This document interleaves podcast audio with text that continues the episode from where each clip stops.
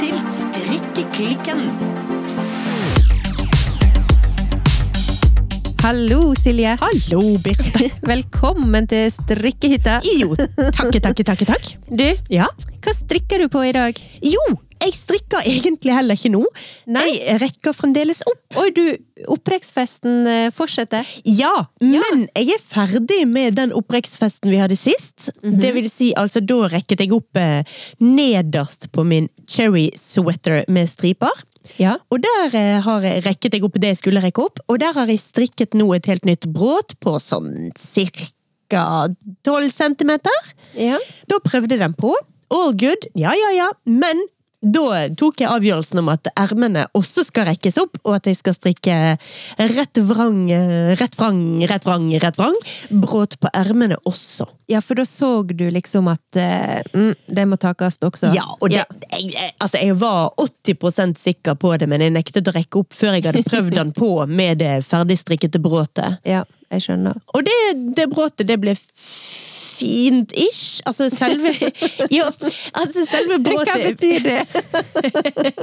Det betyr at fordi jeg er en eh, gniten eh, En gniten person som liker å rebruke garnet mitt Gniten strikker. en gniten strikker, rett og slett. Ja. så, eh, så, så brukte jeg jo opp igjen det garnet jeg hadde rekket opp. Eh, Og det var i litt sånn bits and pieces. Så jeg må stramme opp litt sånn uh,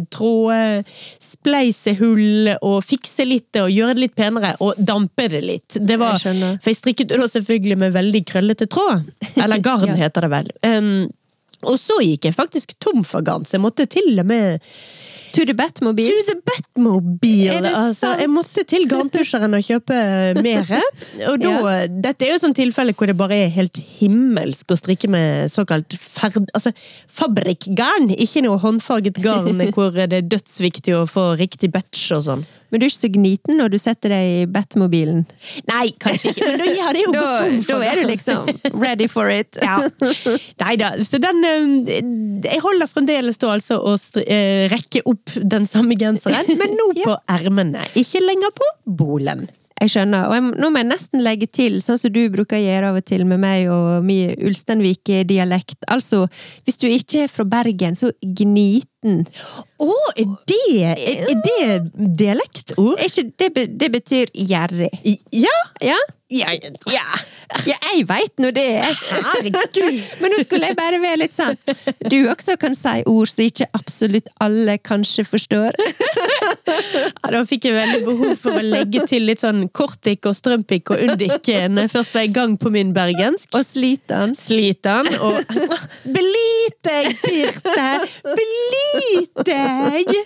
Ok, nå ble vi dialektpodden her, eller? Ja. Ja. Nei, og for de som nå ikke aner hva jeg snakker om når jeg snakker om opprekksfest og cherry sweater med striper og sånt, så Ja. er jo dette en fortsettelse av vår forrige episode, Yes. hvor vi eh, live, live i opptak Liveblogger. liveblogga at vi rekket opp igjen eh, strikketøyet vårt, rett og slett. Men du, det var veldig kjekt. Det var kjempekjekt. Jeg kjenner at jeg må finne noe annet å rekke opp. Jeg fikk jo ikke rekke opp noen ting engang. Men vet du hva? Nei. Når jeg skulle begynne For før jeg dro til the Batmobile for å kjøpe mer garn, så begynte Ja. jeg å leite nede i alle strikke...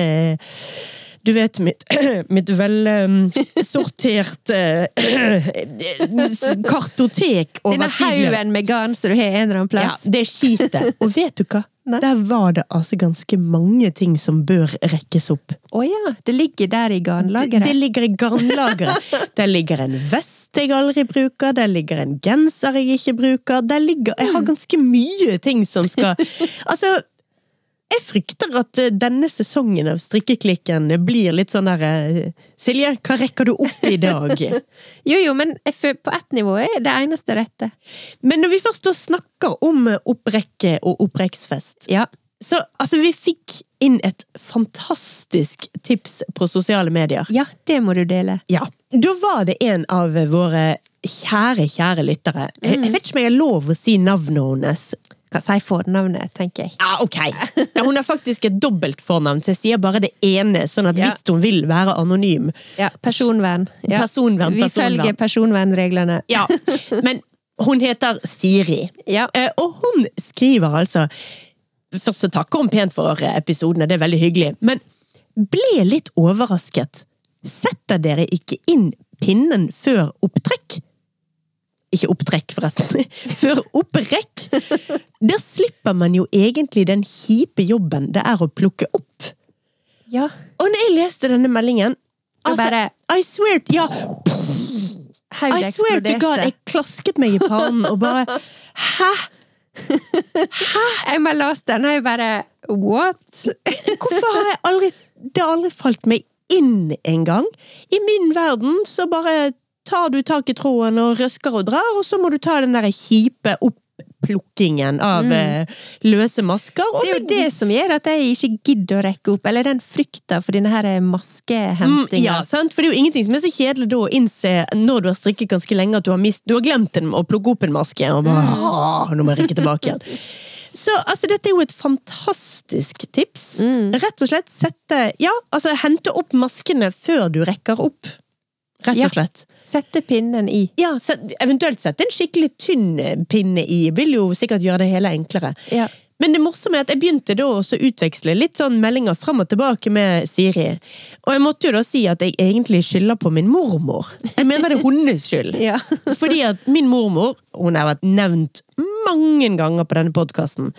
For hun var jo en fantastisk strikker, og var den som lærte meg å strikke. Men der er også problemet. For hun var jo en fantastisk strikker. Hun lærte jo ikke meg å rekke opp. Nei. Hun gjorde jo ikke feil. Nei, sant? Altså, I den mikroskopiske grad hun gjorde feil, så var det liksom Oi! Eh, hoppe to masker tilbake igjen. Og da strikket hun jo bare bakle, bakover, så det lærte Ja. hun meg. Ja. Men å rekke opp sånn derre Her har du virkelig drete på draget. Det, nei, sånn ville mormor aldri ha rekket opp, for hun hadde ikke gjort en så stor feil. Så derfor har hun ikke lært meg dette tipset her. Men altså, kjære lyttere, og enda mer kjære Siri. Tusen takk for et fantastisk godt tips. Og til alle andre dere der ute, gjør som Siri sier. Sett pinnen i strikketøyet før du rekker opp.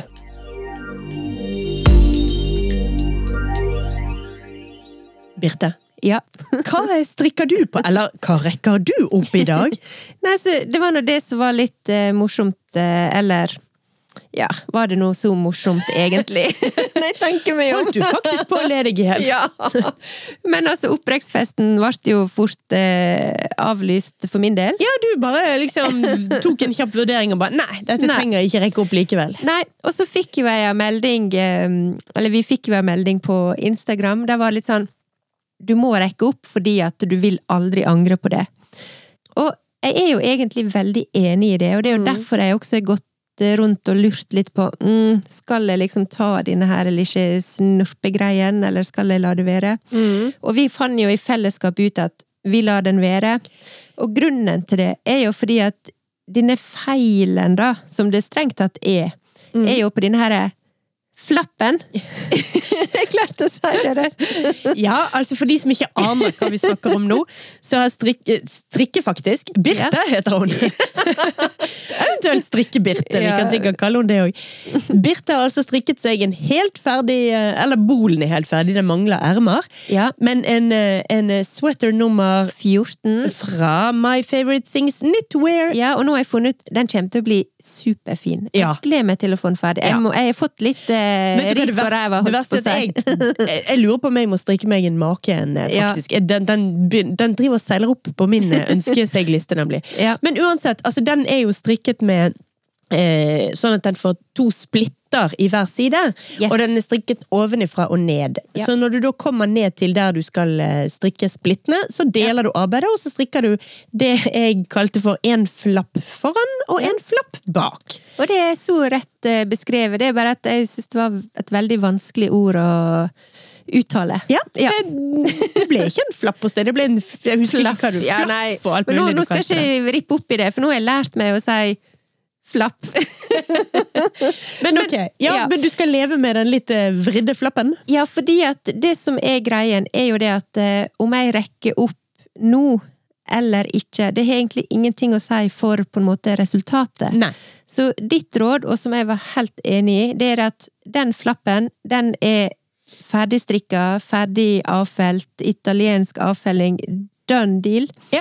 Eh, så det har ingenting å si om jeg nå strikker videre, strikker genseren ferdig, og så kan jeg eventuelt vurdere eh, noe som enten kunne jeg gjort det nå, eller jeg kan gjøre det når genseren er ferdig. Begynne å liksom klippe og rekke opp, og se om jeg vil liksom fikse det. Men da får jeg liksom teste den litt eh, først. Så i utgangspunktet jeg, jeg har også erfart at jeg vil egentlig aldri angre på ei opprekking, heller motsatt. Men her har jeg fleksibiliteten til å velge, for jeg må ikke gjøre det nå. Det er ikke sånn now or never. Nei, det er jo Nei. det at du allerede er helt du er kommet i mål med hele avfellingen og alt. Ja. Sånn at du kan rykke tilbake til start nå, eller om et år. Ja. Samme det. Når jeg vil. Det har ikke noe å si. Flappen er der, så um, den kan jeg ta igjen uh, seinere, hvis jeg vil. Så det var egentlig det jeg ville dele om uh, strikkeri og strikkere og tralala.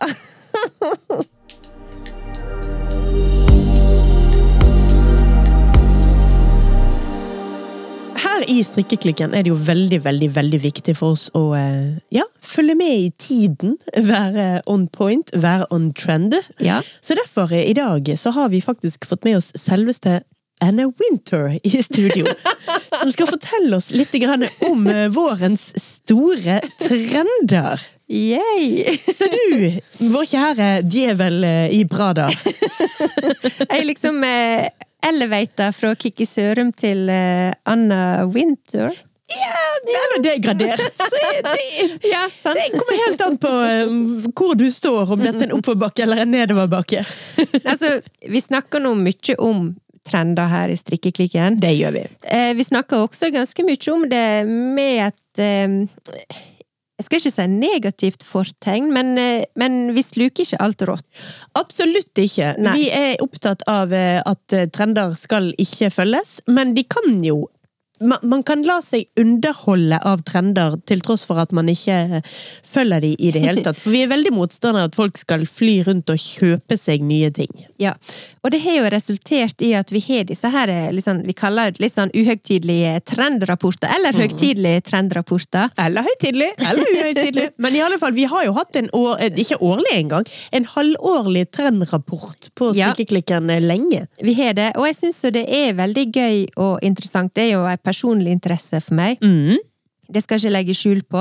Men samtidig så syns jeg det er viktig å stille litt sånn spørsmålstegn også med disse her trendene som håper jeg galopperer eh, kanskje mer og mer løpsk, føler jeg. Mm. Vi lever liksom i denne her TikTok-tidsalderen der eh, ting forandrer seg fra en dag til en annen, og det syns jeg er litt sånn viktig å prøve å sette ting litt i perspektiv, og hva er det vi egentlig hva er det vi egentlig kan prøve å manøvrere litt etter, og ikke liksom bli så forstyrra av disse her eh, overfladiske eh, motetrendene som, som går og går. Nei, og samtidig så er det jo noe fint med å kunne drømme seg litt vekk i trender. Personlig så er jeg eh, alvorlig møkka lei av vinterklær nå. Ja. Jeg syns denne vinteren har vært lang og hard, og snømengden har vært absurd. Ja. Så hvis vi snart kan få lov til å kle oss i litt grann nettere og lettere klær, og ikke bare Ja. lasse på liksom hm, hvor mange skjerf kan jeg egentlig slippe unna med å gå med? Er fire skjerf for mye for ett menneske? Spør Lenny Kravitz. men eh, nei, men jeg, jeg syns jo det er veldig Jeg lar jo meg veldig inspirere mm. av eh, håper jeg, ulike trender. Både trender som er våre, trender som kommer, gamle trender for eksempel. Gå litt sånn tilbake i tid og se hva som er våre for jeg, 10 år siden, eller 20 år siden, eller 30 år siden. Jeg syns jo det er veldig, ja, veldig interessant og, og sånn. Men så er det litt det at du skal, skal liksom ikke sluke alt, eh, ta altfor god fisk. Nei. Eh, og så er jo det litt eh, paradoksalt at vi sitter her i dag, vi skal snakke om vårens trender. Mm. Og jeg vet ikke, det er vel snørekord nå for n-te gang ute, så det føles jo litt fjent. fjernt. Ja. Men eh, plutselig er vi der. Plutselig så kommer vi til våkne Altså, jeg vet at under snøen, hvis jeg børster vekk snøen fra hagen, så Ja. er det spiring på gang nedi der. Ja. Så eh, Birte, ja. hva, skal, hva er egentlig våren 2024 sine store trender? Du, med et lite sånn hermetegn eller anførselstegn, så har jeg prøvd å liksom oppsummere litt hva som skjer, eh, og hva, kanskje litt hva vi har lyst skal skje. Å ja, kan vi Ja. være de som bestemmer hva trendene skal ja, være? kanskje vi får lov til det, da. men poenget er at det er jo liksom noen som bestemmer, men jeg mener at du kan også bestemme deg for å ja, stille spørsmål, være litt kritisk, og så kan en heie på ting som en syns er bra, og så prøve å få det fram i lyset. Mhm. Men jeg har jo laga noen eh, eh, notater her, og aller først så tenkte jeg litt på Husker du den fargen peach fuzz? Ja, Ja. det er jo det som er kåret til eh, årets farge av eh, Pantone. Ja, for du snakka litt om den for et par episoder siden. Ja, jeg lurer meg på om det var siste episode før jul, eller nest siste. Mm. Da snakket jeg eh, Det er gøy å snakke, også, snakke varmt om fargen peach fuzz, Ja. som jo er en varm, eh, inviterende, myk, mild, snill, dus klem av en farge. Ja. Hvis jeg skal være politisk ukorrekt og beskrive den, så vil jeg beskrive peach fuzz som den fargen som eh, tidligere het hudfarge. Ja. Det er det ikke lov å kalle den lenger, for vi har jo, vi har jo alle innsett at hudfarge kommer i alle slags farger. ja. Men det er jo eh, en lys, fersken, skråstrek rosa farge. Man kan nesten tenke seg at du tar en terrakottarød og sauser masse, masse, masse hvitmaling oppi den. Da vil du nok ende med en slags eh, peach fuzz. Ja. Så den, det er en pastellfarge. Mye rødt, mye gult. Eh, Myk, inviterende, hjemlig, intim ja. farge. Ja, for at eh, det er litt interessant, for siste åra så har jo vi bevega oss i en veldig sånn rosa, raud-rosa sfære. Ja, men eh, vi har, en, vi har vært i en litt hardere Vi har vært på Barbie eh, Definitivt. Det begynte jo med denne her liksom Barbie-kår, litt sånn knall rosa. Ja. Em, og så så jo vi at eh, en var innom en mer sånn burgunderraud. Mm. Og det er litt sånn typisk for høsten at det blir litt mer sånn eh, jordlige toner. ja. Em, men nå så er liksom den her eh, Du kan jo nesten si en slags kombinasjon av det knallrosa og burgunderraude, og så liksom får du en slags sånn Men slått sammen med veldig veldig mye hvitt, da. For vi Ja. har plutselig hoppet over i pastelland. Ja. Fra knæsjland til mørke land til pastelland. ja.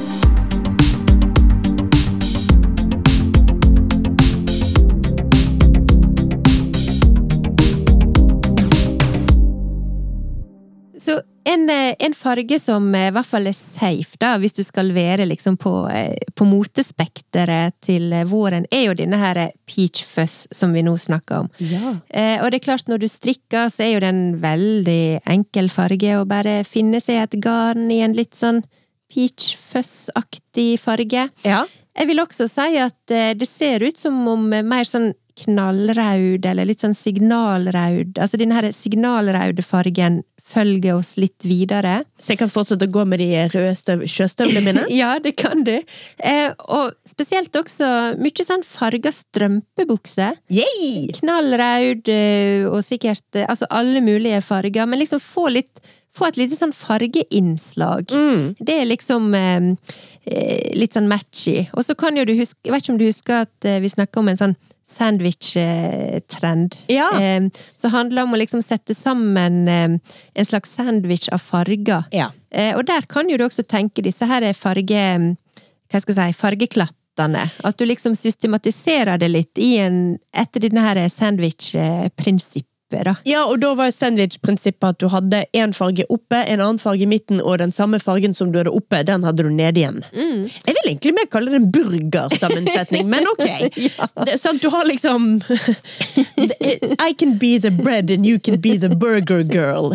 Du kan tenke litt sånn, du har liksom dressingen på toppen, osten i midten, og så har du ketsjupen under. Ja, men du skal ha brød opp og nede, sant? så det skal være noe balanse der. Mm. Definitivt. Eh, men det var farge. Eh, Ja, men jeg må bare si én ting også når vi først snakker om peach, fuzz og fargen, og rødt. Ja. At i mitt hode, og for strikkere og det, nå, Grunnen til at jeg sier i mitt hode, er jo for at nå kommer jeg inn på min mening. Ja. Dette må jo folk gjøre som de vil med. Men da tenker jeg at peach fuzz som farge vil gjøre seg best i lettere garn som type mohair og mer sånn fluffiness. Ja. Mens rødt funker fint i litt mer sånn, ja det jeg liker å kalle for sturdy garn. Ja, enig i det. Jeg tenker også på peach fuzz, litt sånn 80-talls. eh, Jeg ser for meg noen sånne strikka gensere og strikka jakker, med litt sånn gøye knapper, husker du det? Ja, jeg på husker de 80-tallet. elsket det. Og gjerne litt sånn dobbel eller til og med trippel mohairtråd og Ja. ingen, eh, ingen ekte ull i det hele tatt. Bare fluff, fluff og atter fluff. Ja, altså Det er nok litt sånn 80-talls, syns jeg, med den eh, peach fuzz-fargen. da. Mm. Eh, og jeg er helt enig med deg. altså Rett eh, er veldig fint på glatt strikk, for Mm. eksempel. En litt sånn enkel Kanskje litt sånn god ull, eh, ulltråd. Um, på huet er det perfekt, eller et skjerf. liksom. Leggvarmere er jo helt nydelig med knæsj bæsj rødt. Sant? Og veldig morsomt at du nevnte leggvarmere. Oh. Fordi en eh, trend som vi vil se nå til våren, Er det leggvarmere? det er faktisk noe som heter ballerina core. Ja vel! Ja, og da kan du tenke deg eh, For noen år siden så kom jo så kom jo eh, ballerinasko tilbake. Å, ja vel? Ja. Gjorde de det, ja? Ja. For å si det sånn, Jeg har ikke brukt ballerinasko så veldig mye i snøen i vinter, men Nei. ok. Nei, men det kunne du håpe seg. Det var i fjor vinter, fjor vår. Altså, ballerinasko har liksom kommet. Eh, kommet. Ja. Um, og jeg veit ikke om det er på grunn av det, men nå ser en i hvert fall at den her ballerinatrenden går litt videre. Sånn Ja. at uh, vi vil se litt sånn Du vet sånn omslagsjakke, sånn strikka Ja, ja, ja, ja, de er jo kjempefine, ja. Litt sånn strikka omslagsjakke. Ja, for Når du først er ballerina, så tenkte jeg sånn Hæ? Vi kan ikke fly rundt med tutu-skjørt. Vi kommer til å se kjemperare ut. Men Nei. omslagsjakke, Ja. dette kan jeg This I can get behind. Ja, omslagsjakke, som er da inspirert litt av den her eh. Mm. Eh, Men der kommer også leggvarmere inn. Åh, jeg elsker leggvarmere. Og det er litt morsomt, for det er jo også noe som er lett å strikke. Ja, Kjempelett! Strikk en tube. Ja. Og leggvarmere. Jeg har et litt spesielt forhold til leggvarmere, for det brukte jeg veldig mye i min ungdom når jeg trener RS. ja. Ja. Nei, men altså, leggvarmere. Det er, jeg er helt klar for å slå et hardt slag for leggvarmere. Det er veldig deilig å få litt varme på leggene. Ja, men det er også så ekstremt lett å oppgradere og forandre stil. Bare, fordi jeg, jeg er ikke glad i å kjøpe meg en bukse eller en genser i en eller annen sinnssvak farge. Og jeg kan synes det er litt kjedelig å strikke en full om genser i en veldig intens farge, så blir det liksom Jeg føler ikke for den fargen i dag. Men leggvarmere, det er så langt ned på beina. Der kan man gå ganske amok Ja. altså. Og det er faktisk veldig deilig, altså om du har støvler eller støvletter, sånne ting. Liksom få litt sånn ekstra varme der. Og så, du nevnte jo tutu, at jeg ikke kan gå rundt i det, men jeg tenkte også litt på i denne her eh, ballerina core-trenden at eh, det er jo, altså Ingunn Birkeland har jo veldig fine sånne tyllskjørt. Ja, Det er ja, ikke ja. per se, men, men liksom En kan ta med seg også den, eh, den inspirasjonen Mm. inn i et antrekk, og det er jo veldig fint, og du kan også da kan du leke litt med kontraster, ha liksom en litt sånn skarp, kantete dressjakke, og så har du liksom et fint, flommende skjørt under. Så det, Ja. er- det er en look som jeg ja, kan like. Absolutt. Men altså, akkurat når det gjelder leggvarmere, så syns jeg at mye rart funker med leggvarmere. Altså et stramt eh, blyantskjørt og en dressjakke, og så bare ødelegger du hele stramheten med leggvarmere. Og så pointy shoes Ja. under. Men altså, det funker! Dette her, leggvarmere, det, det er fritt fram for alt. Ja.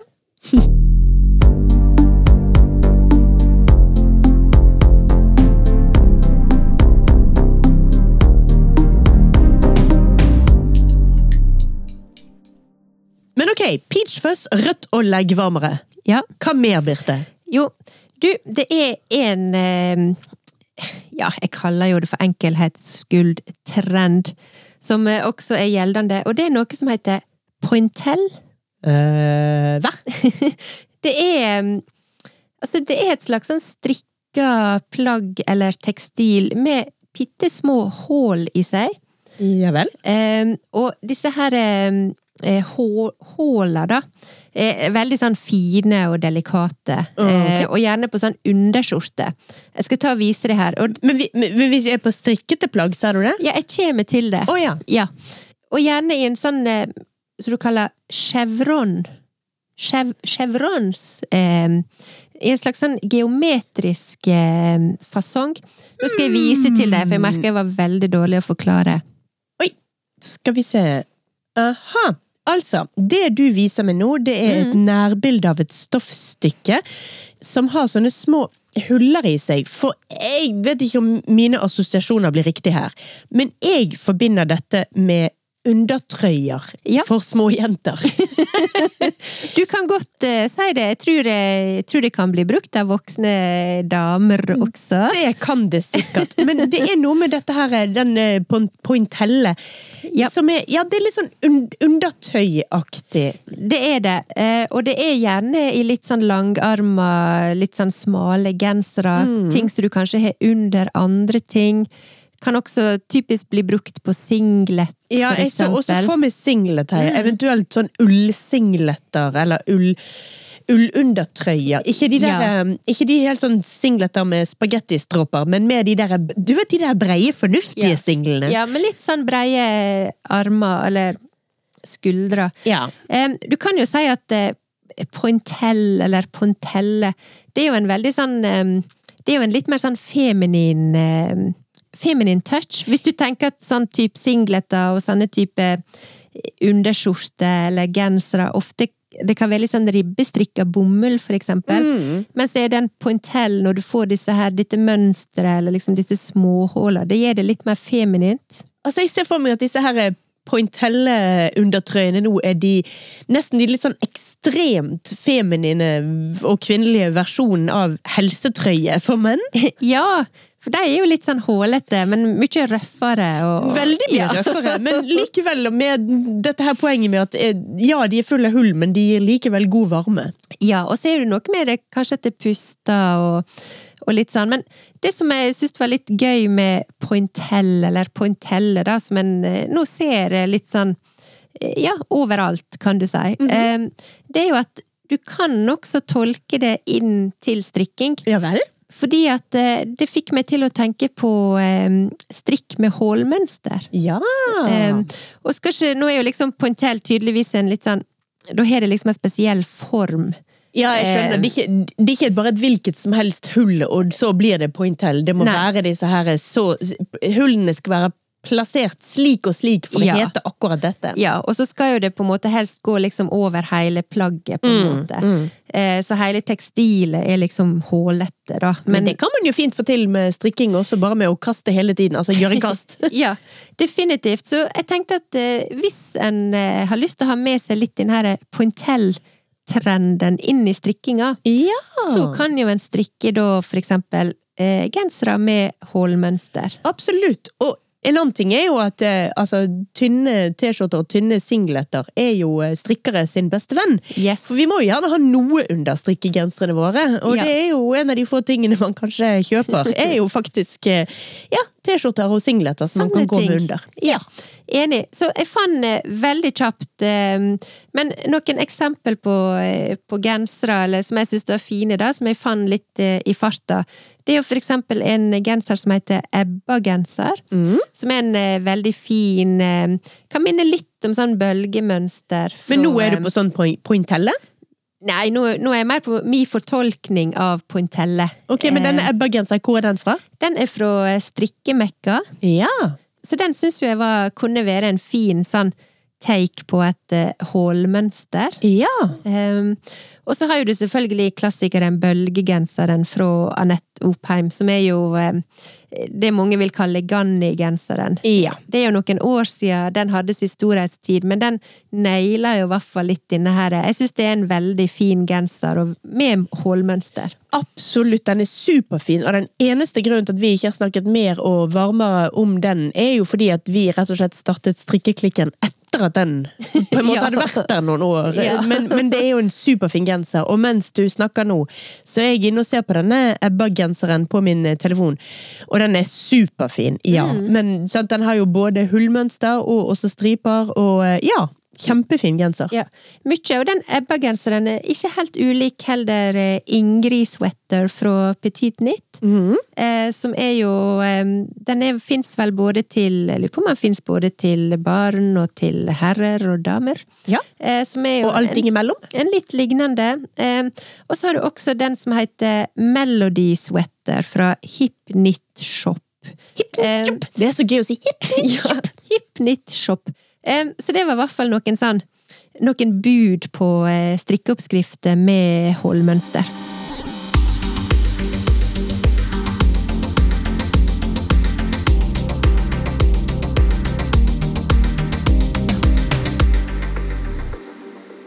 Men ok, hullete gensere i peach fuzz og rød leggvarmere. Ok, ok. What else, Birte?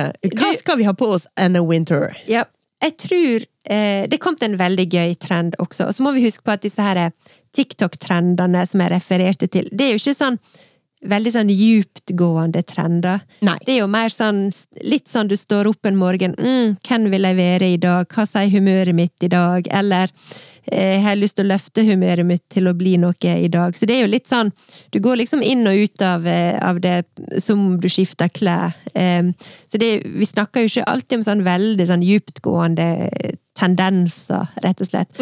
Men én ting som har dukka opp som jeg syns er litt morsomt, og jeg ser egentlig på det som en liten motreaksjon, Ok, eh, rett og slett på strikking. ok.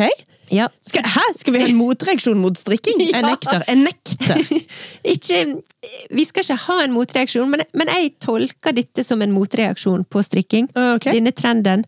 Eh, for det er kommet en trend som heter mobwife. Mob Å, som i mobb som i mafia? Yes! ah, og det skulle jeg utdype. Som i mafiakone. Yes. Ja. Jeg vet at du ikke har sett Sopranos. Jeg, jeg har prøvd, men eh, eh, altså, den serien bare setter seg ikke fast hos meg. Jeg har gjort, eh, gjort ærlige forsøk mange ganger. Jeg kan i hvert fall anbefale den eh, av hele mitt hjerte. Silje er mer skeptisk. Eh, Men Sopranos er jo en serie eh, som kom ut i 1999. eh, Og gikk faktisk fram til 2007, så det er ganske mange sesonger. Jeg tror det er nesten 90 episoder eller noe sånt. Kjære vene. Det er jo enda mer enn dynastien. Ja, og dette følger liksom et miljø, og spesielt en eh, på en måte mafiaboss, da. Ja, altså, I New Jersey. Såpass vet jeg også om Sopranos. Selv Ja. Jeg vet at eh, James eh, Gandolfini Nei, James? Var det James? Ja, det er skuespilleren. Ja. Ja. Altså, selv jeg har jo stor, stor respekt for han. Han er jo dessverre død nå. Men Ja. akkurat den serien der, likevel ikke. Nei, men Tony Soprano, han aka James Gandolfini, Ja. Han eh, håper jeg eh, driver nå på med sitt der i New Jersey. Men jeg regner med vi skal snakke om hans kone i og med at vi var på Mob Wife Yes. Core. Fordi at eh, denne trenden, det er rett og slett å kle deg litt som en mafiakone. Eh, og da er det litt vanskelig å ikke tenke på Carmella, som da er kona til Tony i Sopranos. eh, du kan også ta med Adriana, som er kjæresten til Christopher, som er da nevøen til Tony Soprano. Som er, altså familie er jo viktig her, det er jo ei stor familie. eh, men denne her mobwife, det er grunnen til jeg sier det er motreaksjon på strikking. Det er for at det er liksom glam, glam, glam. Det er smykke, det er pels, det er akrylnegler, høyt hår, masse sminke, leopard. Mye sånn Mye plastikk, altså mye sånn Det er ikke ull der i gården, Nei. for å si det sånn. Så det er sånn liksom Så langt vekk du kan komme fra en heimestrikka genser. Ja. I mitt haud. ja, altså, jeg ser for meg et motehus jeg virkelig ikke liker. Versace og den type smakløse ting. Men jeg kom på noe gøy, da. Noe som Ja. jeg kan gjøre med dette. For jeg blir jo veldig sånn, når du snakker om trender, så blir jeg veldig sånn How can I use this to Ja. my advantage? Ja. Og det vittige er at uh, når øh, Versace gjorde et samarbeid med Hennes Maurits, så kjøpte meg en genser eh, fra den kolleksjonen, som jeg absolutt aldri har brukt, for den hadde skulderputer, var ikke noe fin i det hele tatt. Men den hadde knapper oppe på skuldrene. Ja. Sånn gullknapper med Versage-logo. Ja. Og de sprettet jeg av før jeg eh, kastet hele genseren. Så de, gens de knappene til den ligger Ja. et eller annet sted, og de kan jeg jo sy på en eh, strikkejakke nå. Ja! Da får du litt sånn eh, en, en kombinasjon. Litt sånn gøy kombinasjon. Så kan det være litt mafiakone likevel. Men det som er med denne her mobwife, da Jeg tror også den kommer litt nå som en sånn liten sånn peik til 90-tallet. Eh, fordi at eh, Sopranos kom i 99, litt sånn på høgda Litt sånn på høgda av 90-tallet. Det er en litt sånn 90-tallslook i for eksempel Sopranos, som jeg også ser eh, på ulike nivåer. Du trenger ikke ha pels og høyt hår, men jeg ser at den har liksom sin påvirkning. Eh, Så mitt tips eh, er jo, hvis du har lyst til å på en måte utforske litt denne her mob wife-trenden, men i mine øyne også få en knakende god TV-serie med på kjøpet, så er det bare å sette i gang og se Soprano, så får du liksom to fly i en smekk. Ja, og mitt tips det er å sy Versace-knapper på din hjemmestrikkede cardigan.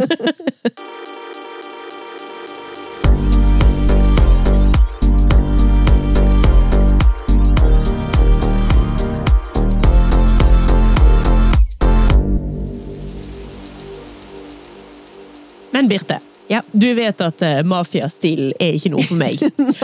Men du sendte meg et bilde med noe som gjelder høyeste grad er noe for meg. Ja.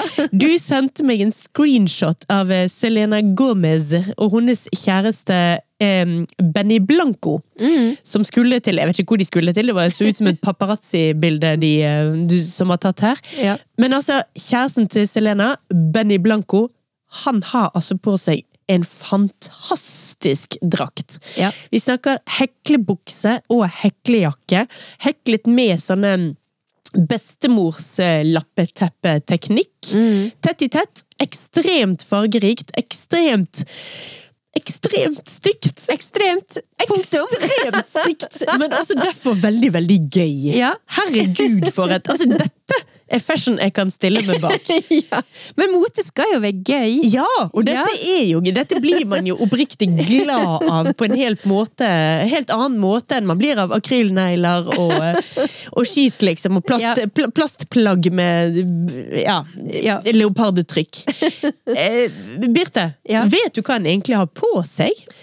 Nei, altså jeg tolker jo dette som eh, at en fått eh, hekla en eh, håper jeg, genser eller jakke i sånn bestemor mønster. Ja, for dette er ikke noe som er gjenkjent som eh, Ja ja, men dette er jo fra den nyeste kolleksjonen til Bladidudi, da. Og det er det helt sikkert. Ja. Men eh, nå er jo det regelmessig så ser jo du disse her bestemor-heklerutene på catwalken. Mm. Eh, og det tar ofte ikke så veldig lang tid før, du liksom, før det kommer tilbake igjen. Nei. Så jeg vil jo si at disse rutene er jo litt sånn evig aktuelle.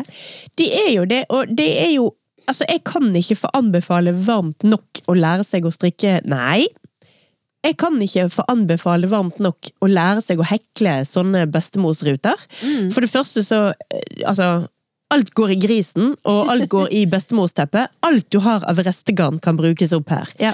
Og jo rarere fargekombinasjoner du setter sammen, jo bedre resultat får du, mener jeg. Ja. Jeg mener at um, de, de få dårlige bestemorsteppene jeg har sett, det er når folk har prøvd for mye å matche. Ja. Jeg mener faktisk at jeg syns de blir finere jo mer de krasjer. Men så har man jo veldig ofte sånne kanter rundt hver uh, lille flekk, da, sånn at det blir et, uh, en slags sammenheng likevel. Ja. Det blir små, små malerier som settes sammen, og i og med at de er i samme størrelse, så passer de i hopet likevel. Ja.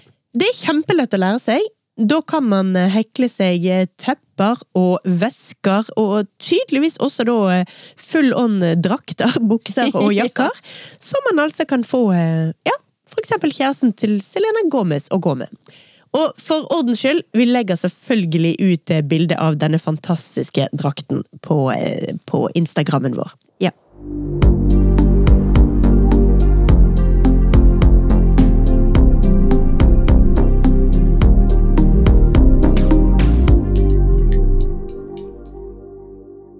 Tok jo du faktisk, Silje, en av Eller noe av det som jeg tror vil bli kanskje aller største trenden i år. Oi! Eh, For jeg tror dette er ikke nødvendigvis en eh, kortlevd eh, trend, men hekling. Yes! Ja. Dette kan jeg like! Ja, vi har jo snakka om det før, og Ja. vi, det har jo kommet snikende på oss. Mm. um, og jeg føler det er litt sånn siste halvåret, hvor vi nå hen har vendt eh, hodet vårt, så har det vært hekling. Ja. Hekling med her og hekling med der. Ja. ja nei eh, Å, dette gleder meg! Ja. Det, det, det, altså, dette kjenner jeg at jeg blir sånn skikkelig ivrig av. Du vet jo at jeg eh, hele tiden mens vi har hatt eh, strikkeklikken, har jeg hele tiden prøvd å snike inn hekling som eh, liksom, sånn, Vi må ha mer hekling! Ja. Vi må snakke mer om hekling!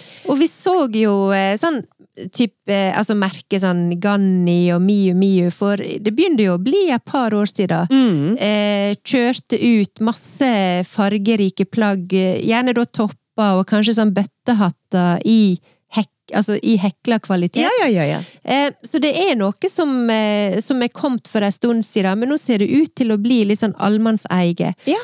Og når vi i høst eh, snakka både med Lerke Bagger og Ingunn Birkeland, Så så, var var jo- det litt sånn what's next? Og var sånn Mm, skal lage bok om hekling. Ja. ja, nei, det er Og her er det jo morsomt, fordi at det er jo egentlig Det er jo ikke fordi en ut av de følger den andre, eller at man følger med. Det er jo det at man samtidig er på et eller annet sted, og så ser man ja, men hva er det neste tingen man blir interessert i. Nå har man på en måte Ja, nå kan vi strikke. Ja, det er det. Og det virker som om at eh, heklinga nå tar litt sånn Skal ikke si det tar over for strikkinga, men det er en naturlig utvikling. Og en ser at veldig mange unge folk begynner å hekle. Sånn som en kanskje så for um, noen år siden, at veldig mange unge begynte å strikke. Så ser jeg nå at veldig mange unge Kanskje begynner de å hekle.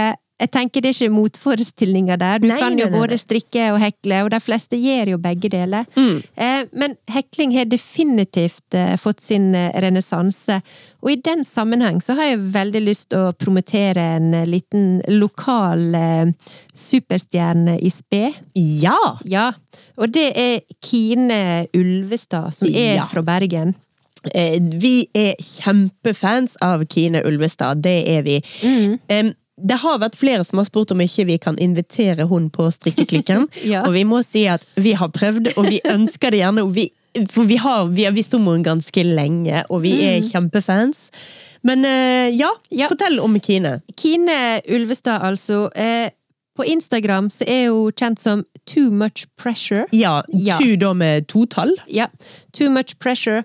Eh, og hun er altså da et, jeg vil jo fortsatt si, relativt nytt eh, designtalent. Ja, hun er jo Eh, superung, og nå er hun ja. tidlig i 20-årene. Ja. Eh, hun debuterte på Oslo Runway nå i høst. Mhm. eh, fikk masse oppmerksomhet. Velfortjent eh, Absolutt. oppmerksomhet, vil jeg si. Fordi at det som Kine gjør, hun hekler. Ja. Eh, hun lager veldig sånn skulpturelle og fargerike hekleplagg. Ja. Som jeg vil påstå ligner ganske lite annet. Ja, helt enig. Eh, De, man kan til og med gå så langt som å si at de ligner ganske lite på plagg av og til. Av og til eh, ligner de mye mer på kunstverk, som eh, hun har kledd modellene i, Ja. enn spesielt kanskje funksjonelle og varme klær. Ja, men samtidig så syns jeg også at det er noe menneskelig med det også. Absolutt. Du ser liksom lett for deg at dette her kunne du faktisk gått med, du kunne ha brukt det, det ser varmt ut, det ser fint ut, Ja. det ser unikt ut. Ja. Um, og hun lager alle typer plagg, ikke alle typer da, men det er både gensere, det er kjoler, det er skjørt, Mm. uh, og det er shorts, så jeg, og noen bukser, men hun lager virkelig interessante plagg. Ja, og så Altså, hun har Jeg vil beskrive det som at det er en veldig kraft bak plaggene hennes. Både når det gjelder form og farge. Det er ingenting som er kjedelig med dem. De oser av eh, Ja, av kraft! Det er styrke. Ja, ja de, de slår gjennom eh, De har X-faktor, rett og det, slett. rett, det, det er vel den beste måten å si det på. At vi aner ikke hva vi skal si, så vi bare sier X. Ja. Så jeg vil bare nevne det igjen. Altså, hekling, stort, men følg også med på Kine Ulvestad fra Bergen. Kine, vi heier på deg. Ja. Eh, og gå inn og sjekk ut Too Much Pressure på Insta, og la deg eh, inspirere av eh, Kine sitt eh, univers. Ja.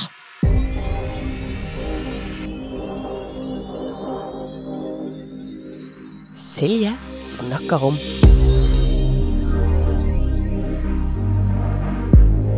farger.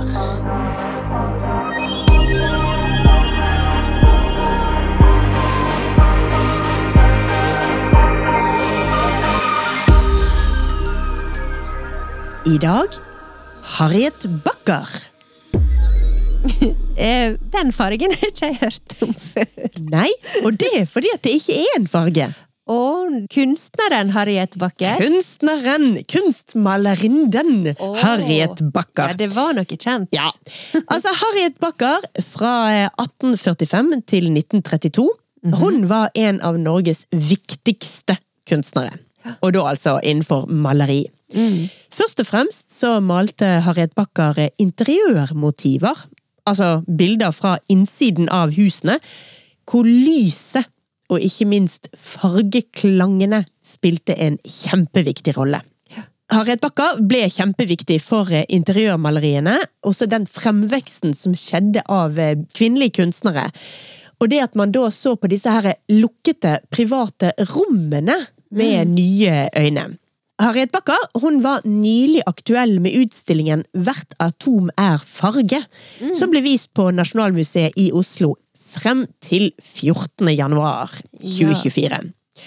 Jeg så denne utstillingen sist jeg var i Oslo, men jeg rakk rett og slett ikke å snakke om den utstillingen her på Strikkeklikken. For det, det, det har skjedd så mye, og nå er altså utstillingen tatt ned. Ja. Men ikke fortvil! For det første så kan jeg eh, altså garantere at det kommer til å komme nye Harriet eh, Backer-utstillinger i Norge. Og for det andre så ble det gitt ut en kjempefin bok i forbindelse med den utstillingen på Nasjonalmuseet. Og den boken heter også Harriet Backer Hvert atom er farge. ja. For eh, det er jo dette jeg egentlig vil snakke om i dag. Nemlig Harriet Backer sin bruk av farger. Ja. Det er jo derfor det kommer inn i fargespalten. Jeg skjønner. Bakker malte som nevnt mye interiør, hvor lyset gjerne kom inn eh, fra et vindu eller en åpen dør. Så altså det snakker snakk om at det kommer naturlig dagslys inn i et ellers ikke kunstig opplyst rom. Det var med andre ord liksom dette her er naturlige lyset som ble satt opp mot ellers ganske sånn dunkle rom, eller dunkle interiørscener. Harriet Backer hadde en helt fantastisk evne til å spille ulike fargenyanser og fargeklanger mot hverandre, og vise hvordan lyset spiller med farger. I noen av bildene hennes så kan man kanskje først se bare et enkelt og dunkelt rom med klart dagslys som kommer inn fra døren eller vinduet. Men så ser man at hver eneste flate i bildet er malt med tusenvis av ulike farger, og at det er gjort så enormt mesterlig, så presist, og så samtidig så ekstremt poetisk, at jeg mener at dette er virkelig noe som kan ta pusten fra en. Det var eh, kunsthistorikeren Andreas Aubert, eller Aube, Aubert, Aubert ja. han skrev i 1883 om eh, maleriet Blått interiør av eh, Harriet Backer at hver, hvert atom er farge i bildene hennes. Og det er når man ser disse her eh, maleriene at man forstår godt hvorfor han brukte dette her ja, litt svulstige beskrivelsen. Men jeg syns det var en fin beskrivelse. Den er kjempefin! Ja. Og det er liksom, altså for en flate den er aldri flat hos Harriet Backer. Hun kan male en hvit vegg, men den er aldri hvit. Det er, altså, og et, tregulv, det er aldri bare brunt. En skygge, det er aldri bare en mørkere variant av fargen rundt. Hun eh, malte de fleste av bildene sine i de rommene som hun avbildet. Hun sto virkelig i kirkene, eller i disse her lukkede rommene, eller i denne her stuen i Gudbrandsdalen, og meldte det, malte de såkalt in situ, altså på stedet. Og de er dermed, altså maleriene er dermed nitidige nedtegnelser av fargene og eh, fargespillene som faktisk var der. Og det må jo egentlig ha vært et mareritt. Fordi at eh, er det noe vi alle vet, så er det jo at lyset forandrer seg jo hele, hele tiden. Og eh, Harriet Bakker sin måte å male på, den gikk ikke fort. Nei. Så hun må ha virkelig stått der og nistudert fargene i lyset, og notert det ned på lerretet. As it happened. Men eh, fantastisk presist, og samtidig poetisk. Ja, for det høres jo nesten ut som at maleriet også har en eh, dokumentarisk eh, verdi.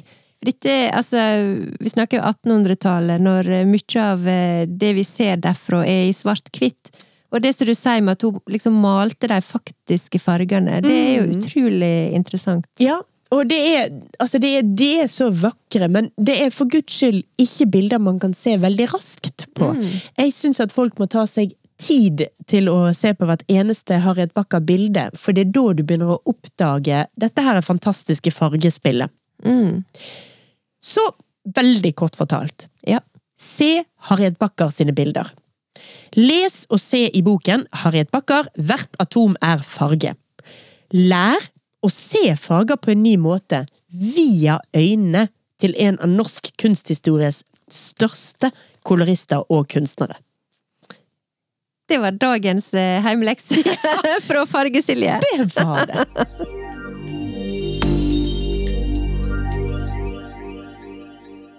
Men da har jeg bare et aller siste tips som jeg hadde lyst å ta med i dag, og det er nå kommer vi til en TV-serie. Vi, Ja. kommer- vi kommer ikke unna det, altså. Vi gjør ikke det, Nei. Det, det er livet, det. Hva, hva kan jeg si?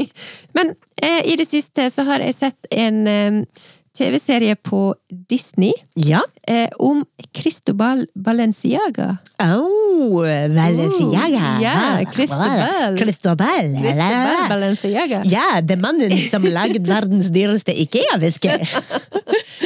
Han, han gjorde jo ikke det. Jo, Det er det- jo Demna som er dagens eh, Balenciaga-sjefsdesigner.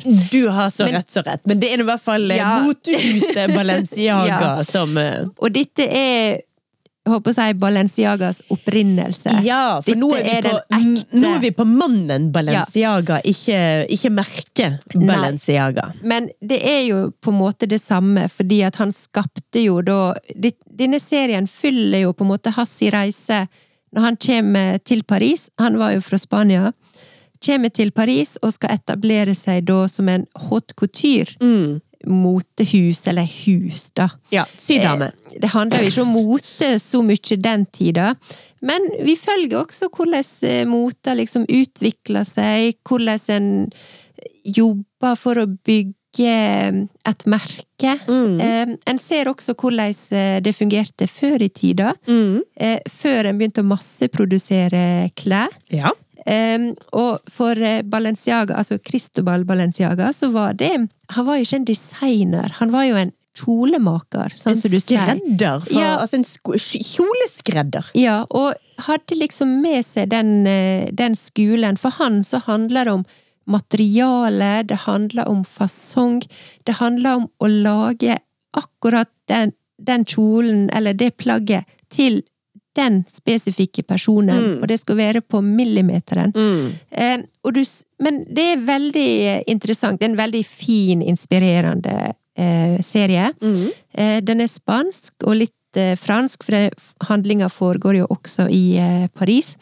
Eh, og så er det veldig fascinerende å se denne her utviklinga, og hvordan en for ikke så veldig lenge siden lagde klær, eh, og gjorde det på mål, tilpassa Altså, når du kom inn i en Balenciaga-butikk, da, og nå gjør jeg sånn hermetegn, så gikk du inn på ei visning, det gikk modeller regelmessig gjennom hele dagen, hver dag, med en nummerlapp, og så så du kjolen som du ville ha, og så bestilte du da eh, prøve for å komme og liksom få laga den kjolen spesifikt til deg. Og sånn gjorde en det før i tida. Det var, du var ikke i en butikk. Du fikk den spesialsydd. Eh, poenget mitt er, jeg storkoste meg når jeg så den.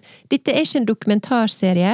Det er en, eh, jeg håper å si, fiksjon-serie, der en gjenskaper da livet til Cristobal Balenciaga. Bygget på sanne Bygget på fakta, men fritt fabulert. I, muligens. Den, den føltes veldig autentisk, og jeg tror mange av eksemplene er fra ekte Altså der er på en måte ekte personer i, eh, i greien. Men i hvert fall, Cristobal Balenciaga.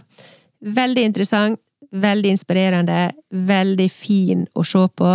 Jeg anbefaler den 200%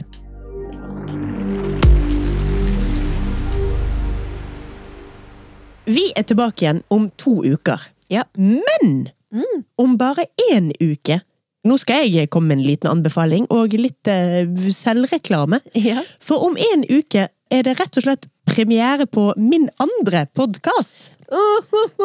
Nei. Ja. Nei, altså, min eh, jobb, min, min, min ekte jobb, starter nå en podkast som heter Klartekst. Og Ja. den har premiere neste onsdag.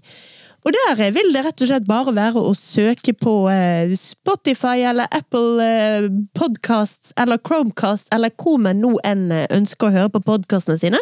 Ja. Så kan man høre meg bable i to forskjellige kanaler. Både Strikkeklikken og altså podkasten Klartekst. Men du må si veldig kjapt, Silje, hva handler klartekst om? Klartekst er en podkast fra Tekstalmenningen, tidsskrift og Småforlagsentralen.